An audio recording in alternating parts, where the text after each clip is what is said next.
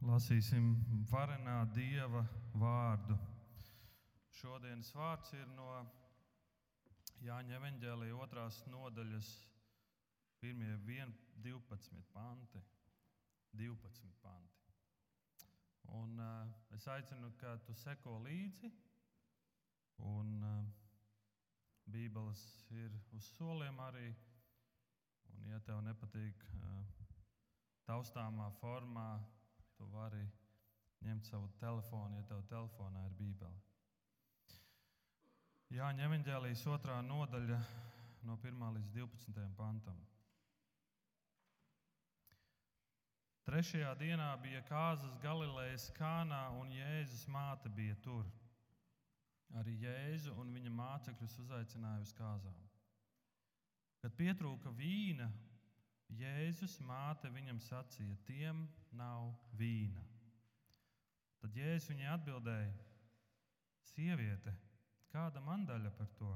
Mana stunda vēl nav atnākusi. Viņa māte sacīja kalpotājiem: Ko viņš jums saka, to dariet. Tur bija nolikti seši akmens trauki ūdenim pēc jūdu šķīstīšanās paražas, katrs no tiem divi vai trīs mēru tilpumā. Jēzus viņiem sacīja: Piepildiet traukus ar ūdeni, un viņi tos piepildīja līdz pat malai. Tad viņš tiem sacīja: Tagad smeliet un nesiet mīlestību pāraugam, un viņi to aiznesa. Kad mīlestība pāraugs bija nobaudījis ūdeni, kas bija tapis par vīnu, viņš nezināja, no kurienes tas ir. Bet kalpotāji, kas ūdeni bija smēluši, to zināja.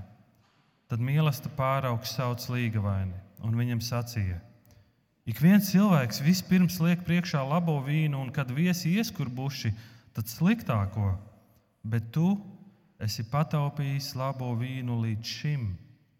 Tā Galilejas kānā Jēzus sāka darīt zīmes, atklādams savu godību, un viņa mācekļi ticēja viņam. Pēc tam viņš nogāja uz Kapernaumu pats, viņa māte, brāļi un viņa mācekļi, un tur palika nedaudz dienu. Āmen! Lūksim Dievu! Paldies, Jēzus Kristu, par Tavu vārdu šodien. Māci mūs, māci mums tos vārdus, ko Tu gribi mums šorīt pateikt, lai mēs dzirdam. Tu mūsu apbrīnojamais Dievs, es ļoti lūdzu, lai šie vārdi mums vēl vairāk liek Tevi apbrīnot un Tevi slavēt. Un paldies par šiem vārdiem, ko Tu šodien vēlēsi mums teikt. Un, Un tieši šie vārdi šodien mums ir visvajadzīgākie. Svētī savu vārdu. Tavā vārdā to lūdzu. Āmen. Lūdzu, sēdieties.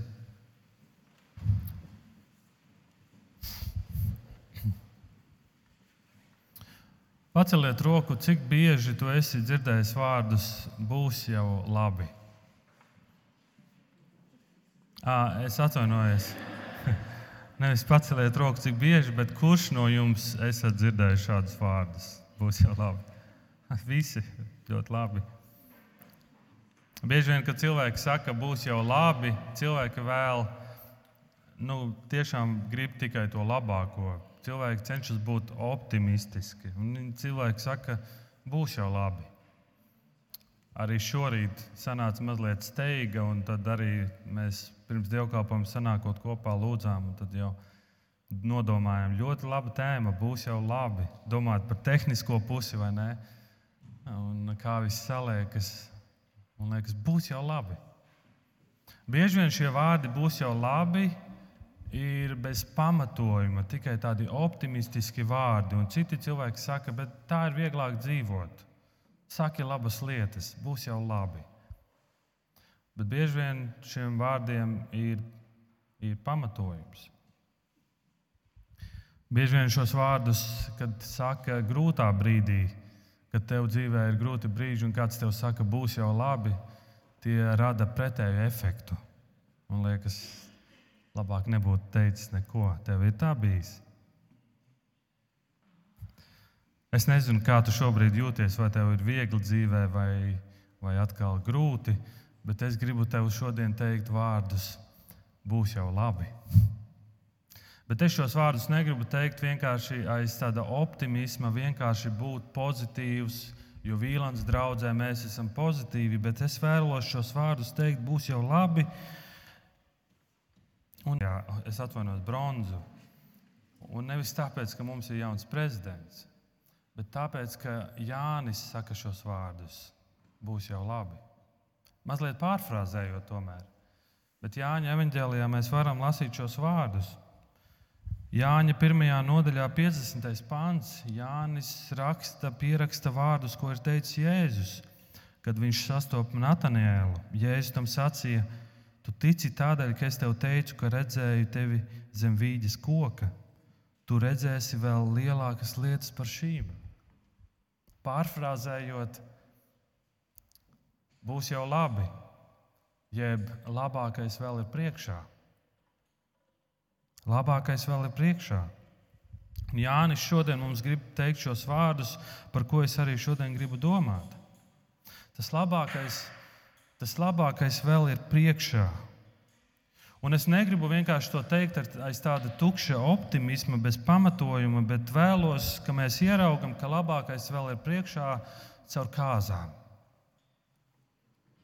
Kas var būt labāks notikums kā kāzas, vai ne? Un es vēlos to, ka mēs aplūkojamies caur kāzām, kurās notika gandrīz liela izgāšanās. Jums patīk kāzas? Paceliet roku, kuriem patīk kāzas. Aha, tikai pusēji, pusēji nepatīk kaut kāda iemesla dēļ. Varbūt negribas celt. Man ļoti patīk kāzas. Ziniet, kāpēc? Kad man bija kāzas, tad bija, kāzās bija liels e, satraukums, un pēc tam liels pozitīvs satraukums. Un, un nākamajā dienā es ar savu sieviņu runājot, sapratu, ka es ļoti maz savā kāzās ēdu. Un tad es sev pateicu, ja es ēdu maz savā kāzās, tad citu kāzās ēdīšu tā, kā vajadzēja ēst savā kāzās. Tāpēc man patīk kāzas. Ne tikai tāpēc. Man patīk redzēt, ka šodien arī cilvēki pēc Bībeles standartiem joprojām sakārto savas attiecības. Un, un, eh, ziniet, kas notiek parasti pēc kāzām? Jūs ziniet, mēs parasti analizējam kāzas, vai ne? Kāds bija ēdiens, vai starp dievkalpojumu un svinību daļu bija liela pauze?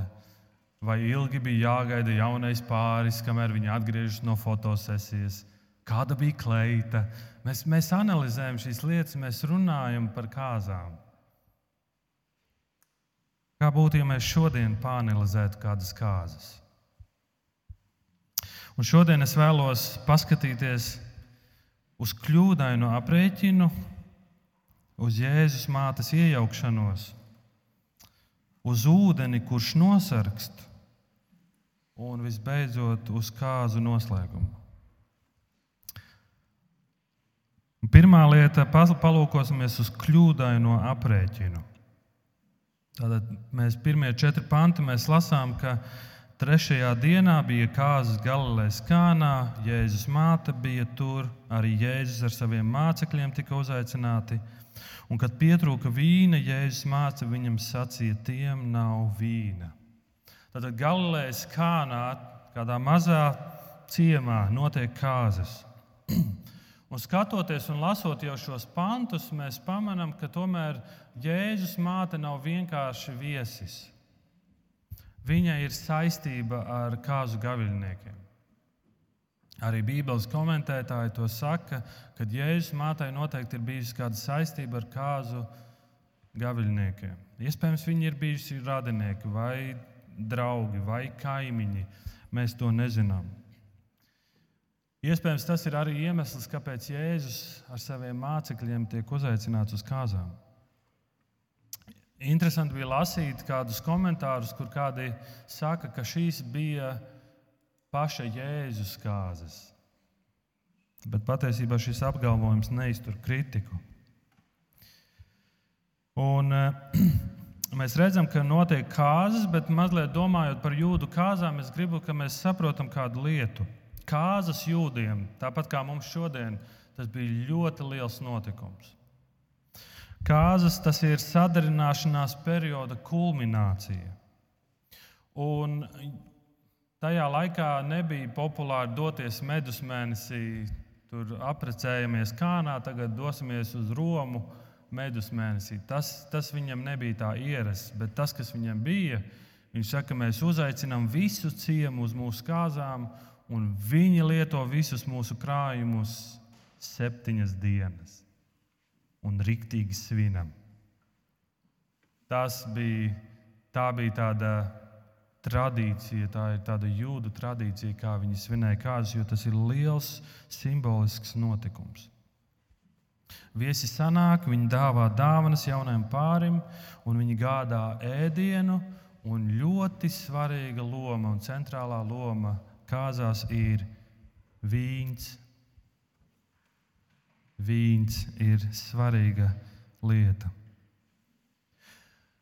Ja tu, kā, ja tu esi jūts un tu svini kāzas septiņas dienas,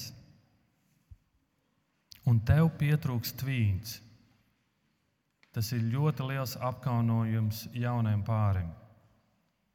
Tas ir ne tikai apkaunojums, tas ir Vīns jūdu tradīcijā simbolizē prieku un pārticību. Ja tev pietrūkst vīns, tas nozīmē, ka tu neesi pietiekami pārticīgs. Tu neesi pietiekami turīgs. Tas nozīmē, ka jaunās līgavas vecākiem tas, ir zīme, ka vai tu vispār parūpēsies par manu sievu, par mūsu meitu. Āmasu grāmatā 9. nodaļā mēs lasām, ka Redzi, nāk dienas, saka kungs, kad arājas ražas vācēji panāks un vīns piedēs to, kas sēž sēklu, un kalni no saldvīna pilēs un pakalni pludos no tā. Vecajā derībā arī vīns tiek pārticības simbols. Kalni no saldvīna pilēs. Tā ir pārticība, tā ir pārticības zīme. Un, ja tev pietrūkst vīns, tas ir liels kauns. Un patiesībā tas nav tikai kauns, tas varēja novest pat līdz tiesvedībai. Tik nopietni tas ir, ka tur varēja sākties tiesu darbi par to, ka tev ir pietrūcis vīns, lai gaviļnieki svinētu kāzas.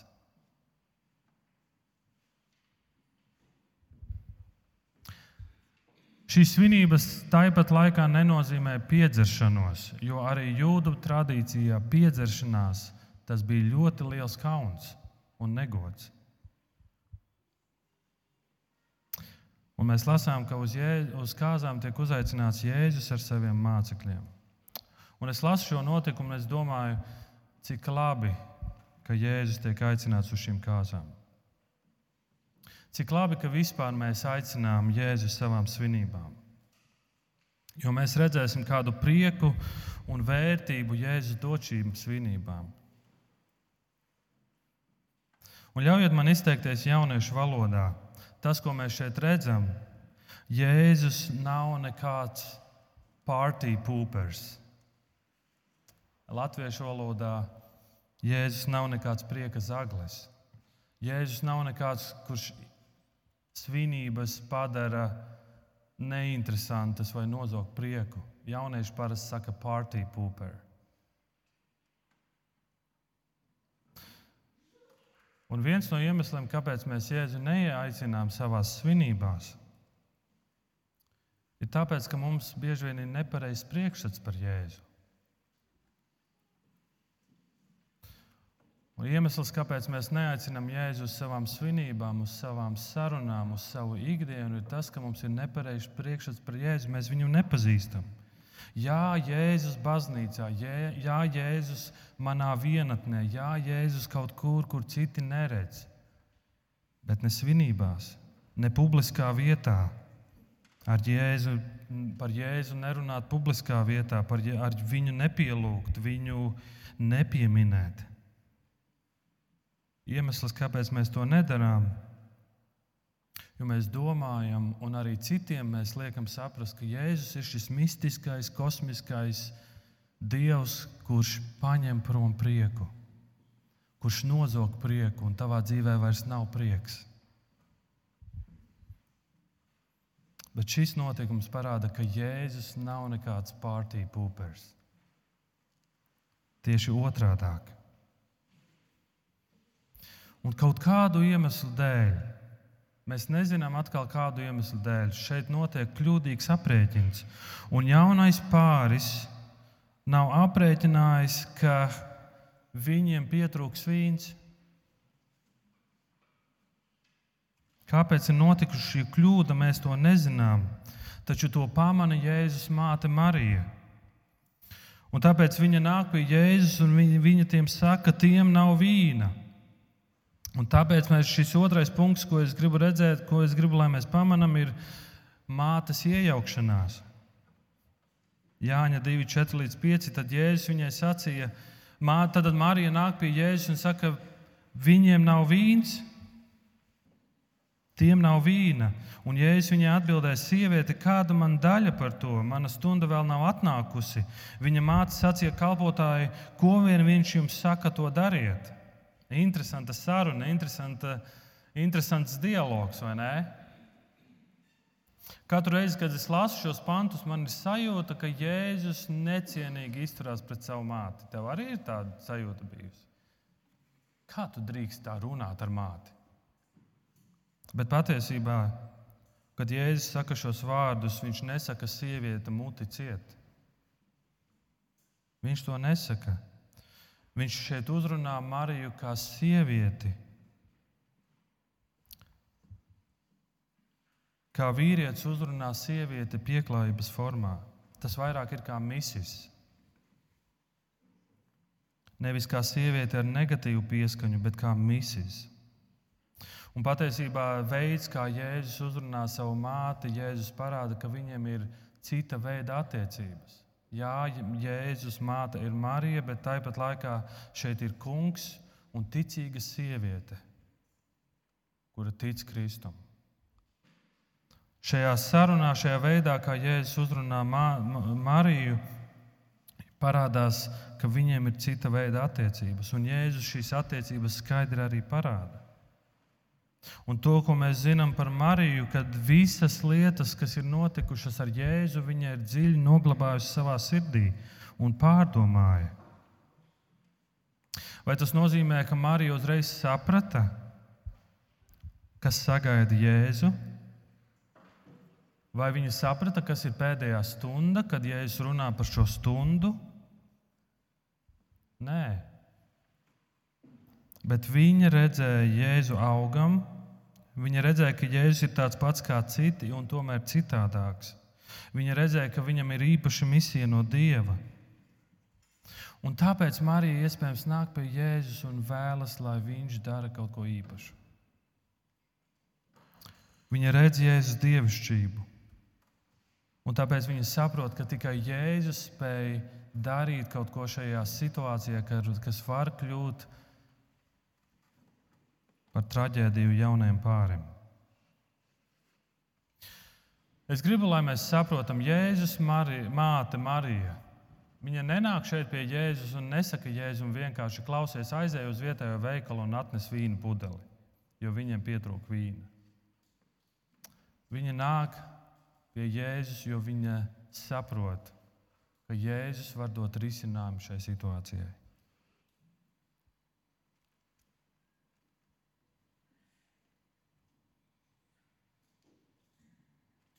Un Jēzus viņai atbild, mana stunda vēl nav atnākusi.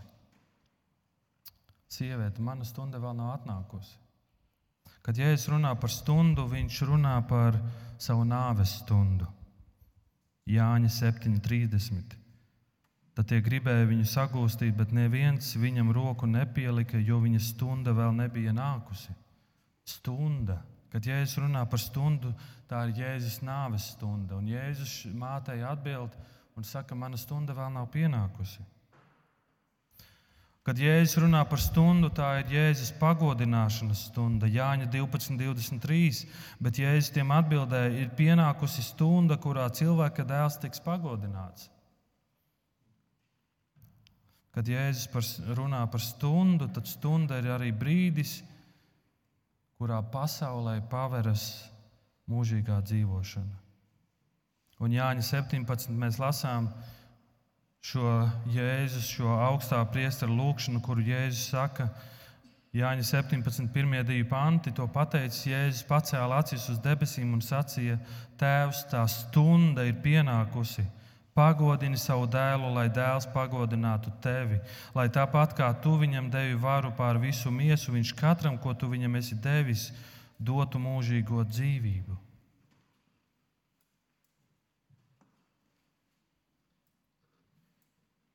Kad Jēzus māte nāk pie Jēzus un Jēzus uzrunā viņu kā sievieti, tas nav pazemojums. Un Jāņa evanģēlīja beigās, 19. nodaļā, Jēzus māte ir pie krusta. Un viņa skatās uz savu dēlu, kurš ir pie krusta. Un ziniet, kas notiek pie krusta? 26. pants. Ieraudzījis savu māti un mācekli, ko viņš mīlēja, tai līdzās stāvam Jēzus sacīja savai mātei: Sieviete, redzi, tavs dēls.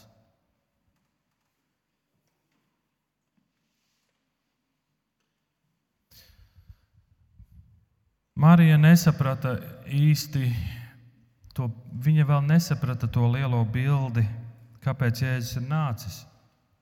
Un nākot pie Jēzus, Marija vēlējās plāksteri konkrētai situācijai.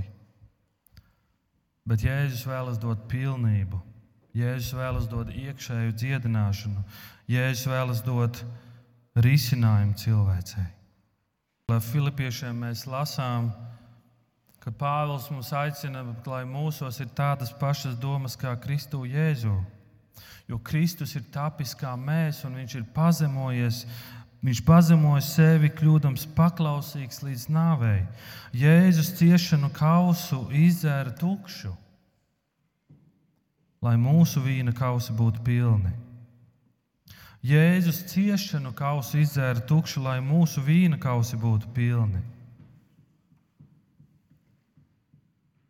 Mēs atrodamies kāzās, kurās ir neprecīzs aprēķins un kurās iejaucas māte un saka, viņiem trūkst vīna. Un Jēzus saka, mana stunda vēl nav pienākusi, sieviete. Vēl nav pienācis laiks man mirt. Un tomēr Jēzus mātes reakcija ir, viņa nesaka, kā tu drīkst ar māti tā runāt. Viņa pagriežas pret kalpotājiem un saka, Ko vien viņš jums saka, to dariet. Varbūt tā bija spītīga jūdu sieviete, kura neklausās sava dēla sacījumos. Bet tas, ko Jēzus māte šeit saka, tas ir visvērtīgākais padoms, ko mums būtu jāņem. Ko vien viņš jums saka, to dariet. Visu, ko Jēzus saka, to dari. Visu, ko Jēzus saka, to dari. Un, ja tu klausīsi šim padomam, ziniet, kas notiks? Brīnumi notiks tavā dzīvē.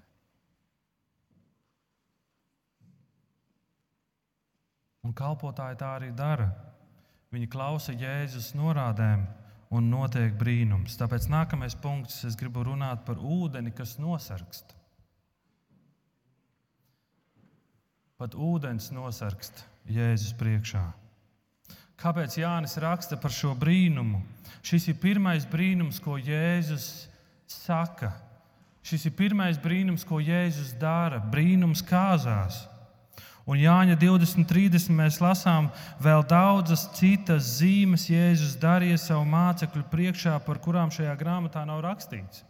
Vēl daudzas citas, bet šīs ir rakstītas ar noteiktu mērķi.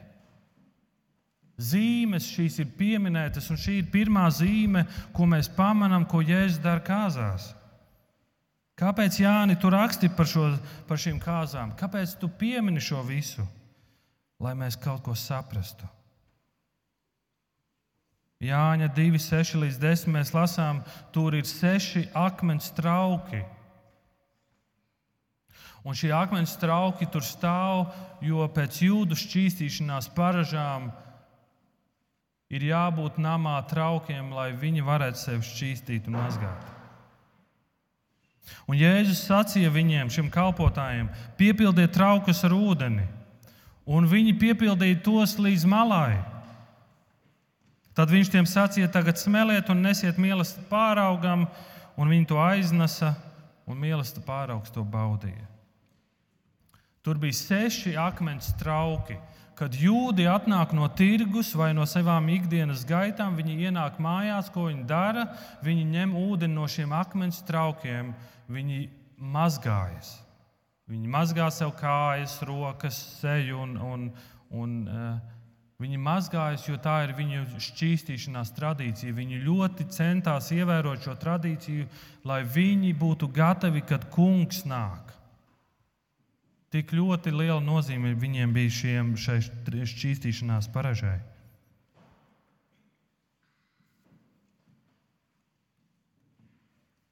Bet bieži vien šī šķīstīšanās bija tāda, kļuva tāda kā rutīna. Un viņi pat, varēja, viņi pat vairs neievēroja vai neiedziļinājās tajā būtībā. Un ko dara Jēzus? Jēzus kalpotājiem saka, ka Piepildiet šos traukus pilnus ar ūdeni. Tas, ko Jēzus šeit rāda, ka vecais ir pagājis un ir pienācis jauns valdīšanas laiks. Ja jūs esat šķīstījušies tikai un domājuši tikai par ārieni, tad es esmu atnācis, lai šķīstītu jūs no iekšienes. Ir pienācis jauns valdīšanas laiks, ir atnācis jauns ķēniņš, ir pienācis jauns laiks, kad es jūs šķīstīšu un mazgāšu no iekšienes. Un, ja es saku, piepildiet traukus ar ūdeni, un viņi piepildīja tos līdz malai, kalpi paši neko neizdara. Viņi vien piepilda traukus ar visikdienišķāko lietu, un tas ir ūdens. Vai ūdenim ir garša? Rīmī veikalā ar garšu var nopirkt. Jā. Bet parasti nav. Nav smarža. Visikdienišķākā lieta. Tur ir seši trauki, un vienā traukā ietilpst aptuveni 100 litri ūdens. 113, ja precīzi. 113 komats. Un tur tādi ir seši. Cik kopā būs? Vairāk kā 600 litri ūdens. Es gribu, lai tu padomā. Vairāk kā 600 litri ūdens. Es lasu šo notikumu, es domāju, Jēzu, tu domā, ko tu dari pirms tu to dari. Vai tu saskati, kas šeit notiek? Šeit ir kāzas, jaunais pāris, kuri uzaicinājuši visu ciemu, bet viņi gandrīz krīt kaunā, negodā, un to var būt tiesu darbi. Atnāk Jēzus uz kāzām, kurš nav pārtīk pūpers. Un Jēzus māca, ka viņiem pietrūks vīna. Šeit var būt kaut kas ļoti bēdīgs. Laulība var iziet, Jēzu dari kaut ko.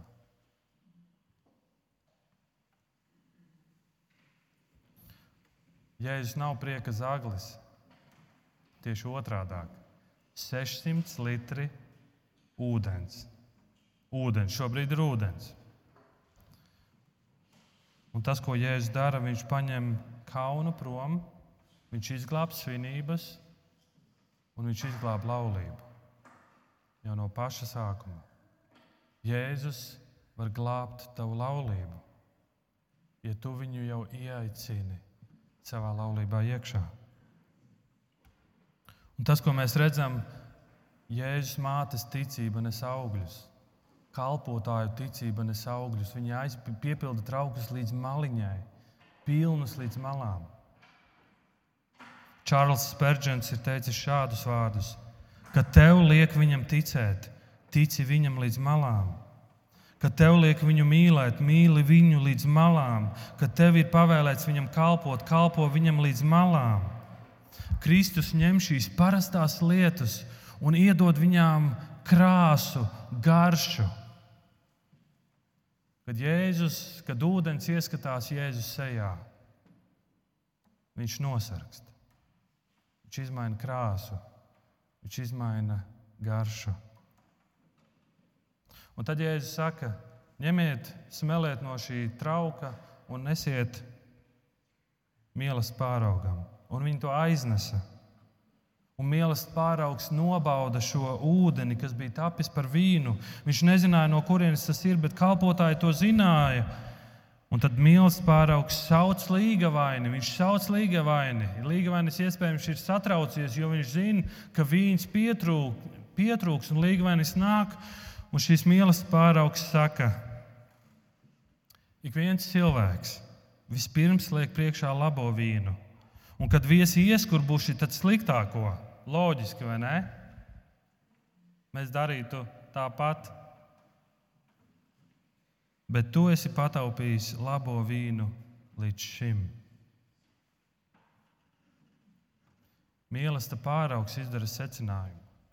Mīlestība pāraugs Viņš šīs ballītes, šos svētkus ir daudzus tādus. Viņš ir bijis daudzās kāzās, daudzās svinībās, un parasti viņš redz, ka beigās ir atšķaidīts vīns.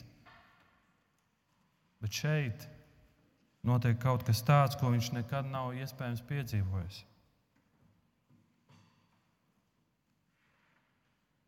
Jēzus ne tikai glāb laulību, Jēzus ne tikai līgavaini glāb no kauna, līgavainis saņem uzslavu.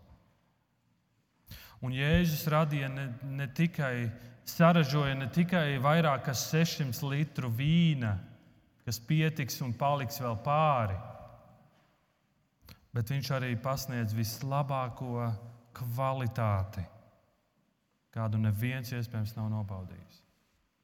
Jūs redzat, kas šeit notiek? Jēzus atnāk uz šīm kāzām un viņš saka, būs jau labi. Viņš atnāk un viņš saka, ka labākais vēl ir priekšā. Šī vēl nav pēdējā stunda, šī vēl nav tā stunda, par ko Jēzus runāja, uz ko Jēzus gaidīja, bet Jēzus ar šīm kāzām parāda, ka labākais vēl ir priekšā. Šī ir maza zīme. 1. korintiešiem 2,9 ir tā kā rakstīts, ko no viena acs nav redzējis, un neviena auss nav dzirdējis, kas neviena cilvēka sirdī nav nācis. To Dievs ir sagatavojis tiem, kas viņu mīl. Ja tu mīli Jēzu, labākais tev vēl ir priekšā. Neatkarīgi no tā, kam tu ej šobrīd cauri, noticis tavā dzīvē. Tu teiksi, kāds teiks, jauns telefons, kāds teiks, jaunas attiecības, jauns darbs, forša dāvaniņa um, bērna piedzimšana, atgūšanās no slimības. Kas ir labākais, ko tu varētu nosaukt? Un visas šīs lietas, tas ir neprecīzs aprēķins. Jo Jēzus saka, labākais vēl ir priekšā. Pirms mēs ejam uz noslēgumu, es gribu mazliet pieminēt kādu principu, ko es šeit ieraugu. Un es gribu, lai mēs šo principu ņemam vērā. Jēzus pārvērš ūdeni vīnā, un ko viņš dara? Nesiet mīlestību pāraugam. Nesiet mīlestību pāraugam. Jēzus dziedina spitālīgo, ko viņš dara? Viņš saka, nesaki nevienam, ej un rādies priesterim. Un šeit ir kāds svarīgs princips, ko šodien daudzi neņem vērā. It sevišķi tie, kas apgalvo, ka viņi dara brīnumus, viņi spēj dziedināt vai viņi ir dziedināti. Jēzus aicina cilvēkus un saka, ej pie profesionāļa un apliecini, ka brīnums ir patiesībā noticis. Lai šis profesionālis var ieraudzīt to, pamatot un patiesībā brīnīties un slavēt Dieva labos darbus. Svarīgs princips, ko es šeit ieraugu, es gribēju piebilst to, lai mēs to no tā mācāmies un, un ņemam to vērā. Ej un rādies, pārbaudi, paskaties. Nu, un secinājums visbeidzot. Ko mēs no šī varam secināt, no šīm kāzām? Mēs ļoti daudz ko varētu izsecināt. Viena lieta, ko mēs varētu izsvecināt, ka ūdens evolūcijas rezultātā nekļūst par vīnu. Vai ne? Ja nu vienīgi fermentācijas process, ko lauksaimnieki piedzīvo katru gadu, iegūstot vīnogas. Bet nav tāda evolūcija, kad ūdens pārtop vīnā. Tikai radītājs spēj to darīt, un Jēzus to dara vienā momentā. Bet ir vēl kāds secinājums, ko izdara pats apustulis Jānis, un tas ir 11. un 12. pants. 11. pants precīzāk. Tā Galilejas kānā Jēzus sāka darīt zīmes, atklādams savu godību, un viņa mācekļi ticēja viņam. Šis vārds zīmes oriģinālā valodā nozīmē trīs lietas, vairākas lietas, bet trīs lietas, ko es gribu pieminēt. Zīmes nozīmē norādīt, apzīmēt vai darīt zināmu. Iemesls, kāpēc Jēzus to dara, viņš kaut ko grib norādīt, apzīmēt, jeb darīt zināmu. Tas tāpat kā šoferis, kad brauc pa ceļu, viņš redz zīmes, kas norāda, kas brīdina, kas atgādina, kas rāda ceļu. Un mācekļi, esot kāzās, viņi redz, ko Jēzus dara, un ko mēs lasām, viņi sāka ticēt. Viņi sāka ticēt. Un tad, kad mēs lasām ticēt, ticība nav vienkārši piekrišana. Viņi ticēja un šī ticība izpaudās ar dzīvi, kas pilnībā nododas Kristum. Vai atceries, kā Jānis sāka aprakstīt šo notikumu? Viņš sāk ar vārdiem: Trešajā dienā bija kāzas. Trešā diena daudziem neko var nenozīmēt. Bet, ja mēs zinām lielo evaņģēlīju bildi, tad mēs zinām, ka trešajā dienā notiek augšām celšanās. Tā ir jauna dzīve, tas ir jauns sākums. Kāzas norāda atkal uz jaunu dzīvi. Divi cilvēki sanāk kopā, diviem cilvēkiem sākas jauns piedzīvojums. Tā ir jauna cerība, jauna ticība, tā ir jauna dzīve, jaunas iespējas, skats uz nākotni. Šis notikums nav par vīna beigšanos.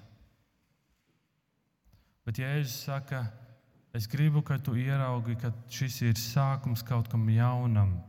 Labākais vēl ir priekšā.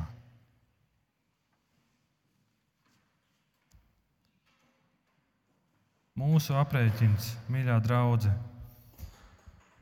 ir gaužām nepareizs. Man bieži vien šķiet, mums bieži vien šķiet, nauda, karjera, jaunas attiecības Tas būs mans jaunais vīns, kas nekad, nekad nebeigsies. Jaunas mājas, un sauc šīs lietas. Un man liekas, šis ir, šis ir jaunais vīns, kas nekad nebeigsies. Bet tad tu redzi un paskaties uz sevi pēc kāda laika, un tu redzi, tu esi šī izžuvusi, izžuvušais trauks, pudele, kas ir apgāzusies uz sāniem un ja vēl ballīte nav beigusies, tad drīz tas brīdis pienāks.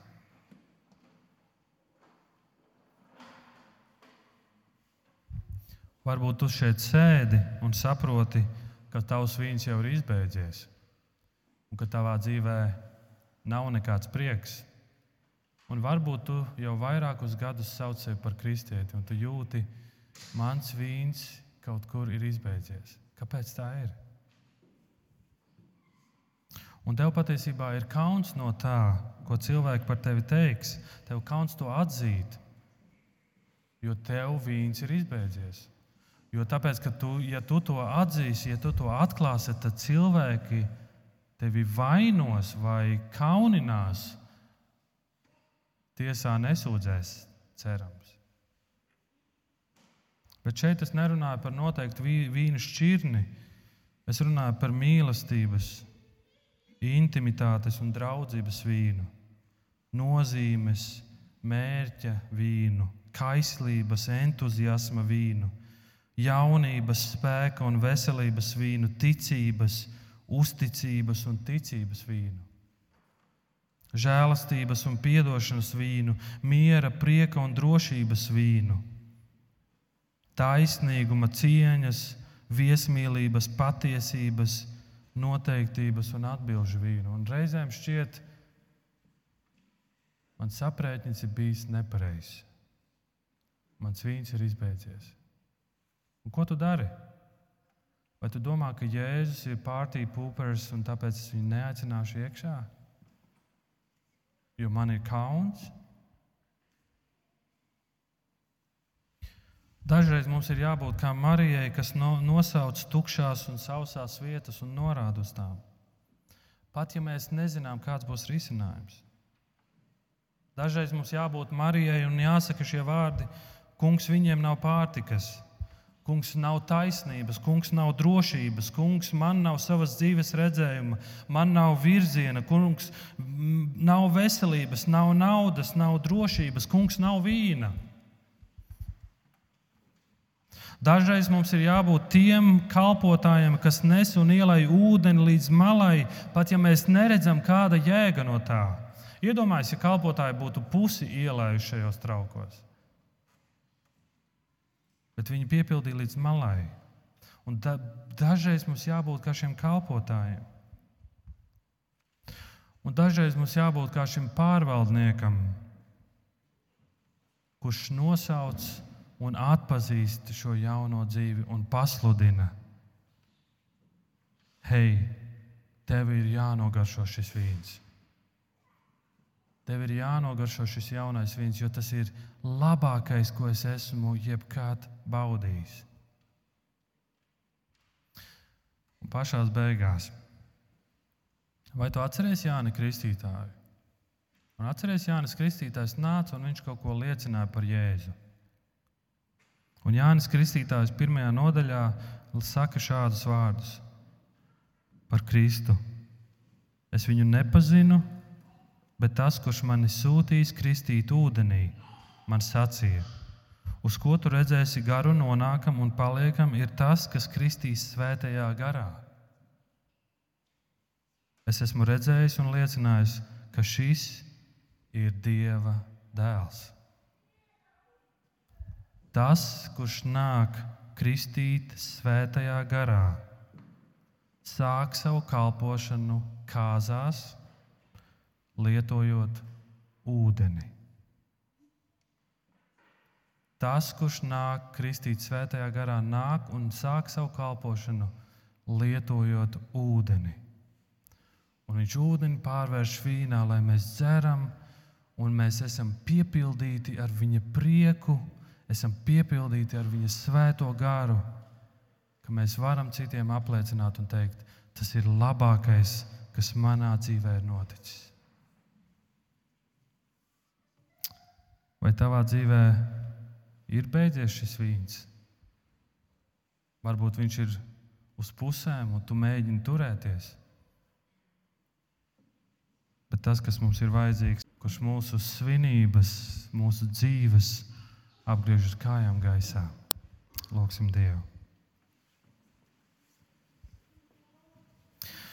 Jēzus Kristu, paldies par Tavu vārdu šodien. Un, uh, Paldies par to, ka tu neesi nekāds pārtīk pūpers, ka tu neesi prieka zaglis. Piedod, ka bieži vien mēs paši ar savu dzīvi to parādām, ka mēs parādām, ka tu esi prieka zaglis, tu esi garlaicīgs, tu esi neinteresants, tu patiesībā neesi dzīvīgs. Es ļoti lūdzu, piepildi mūsu ar šo jauno vīnu.